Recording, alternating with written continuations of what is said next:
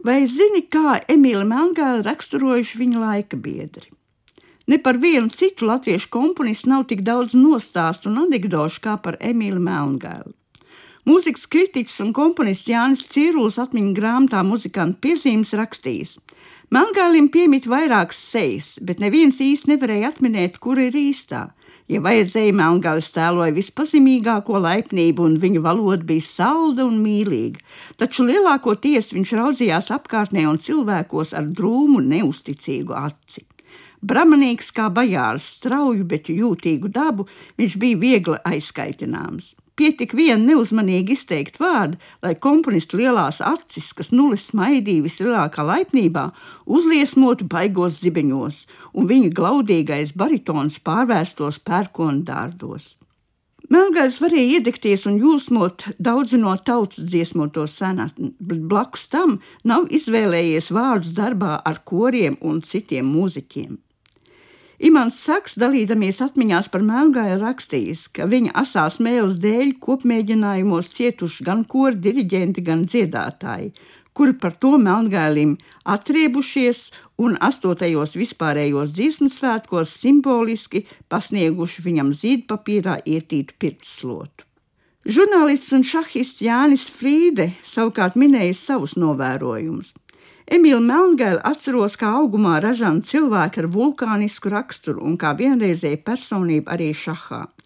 30. gados, un arī pēc tam, man ar viņu gadījās sastapties vairāk kārt pie šaha galdiņa.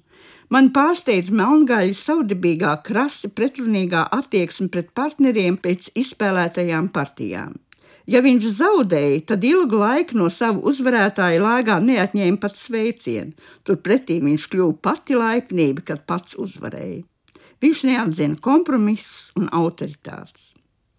Sabiedrība Emīļa Melngāli vispirms iepazina mūzikas publicistikā, un tikai pēc tam talantīgais un dedzīgais mākslas jautājumu pārspriedējs ļaudīm sāk atklāties arī kompozīcijas laukā. Gimnāzijas gados Rudolfa Blaumaņa paspārnē dzīvojušais Melngailis ļoti ietekmējies no literārās atmosfēras, kas valdīja rakstnieku sabiedrībā. 18 gadu vecumā radies pirmais jaunekļu nopietnais mēģinājums mūzikas kritikā. Rīgas vācu presē viņš ar pseidonīmu Melanželo publicējis rakstu, kurā līdz ar zemi nulīdzinājis kādu jaunāko korāļu izdevumu. Pēc dažiem gadiem Raņa izdotajā dienas lapā lasāms 21-gadīgā mūzikas mīļotāja pretenciozais raksts Mūsu mūzika un viņas kritika ar parakstu MG. Citas starpā pārdrošo sprieduma autors rakstījis: Mūsu mūziķi runā daudz valodu, un tāpēc viņiem viens teikums iznāk pēc gļinkas, otrs pēc grīga, trešais pēc guno. Tikai reti ir, kas paši savā valodā sacerējuši. Tas izraisīs asu diskusiju ar Nikolai Alunānu, kuras beigās jauniklim tomēr nācies atzīt, ka mūzikas mākslā viņš pagaidām ir tikai interesants bez jebkādām speciālām zināšanām. 20. gadsimta sākumā, nu jau kā diplomēts mūziķis, Melngālis strādājis par vadošā vācu laikraksta Sanktpēterburger Cētunga kritiķi, kurā darbojies arī Jāzeps Vītols. Avīzes redaktors Oskars Grosbergs raksturojas Melngāli un teicis: Melngāls savās kritikās dažkārt kļūst revolucionārs. Viņš atnāk redakcijā kā pārkurināts tvaika katls, kas katru brīdi var eksplodēt.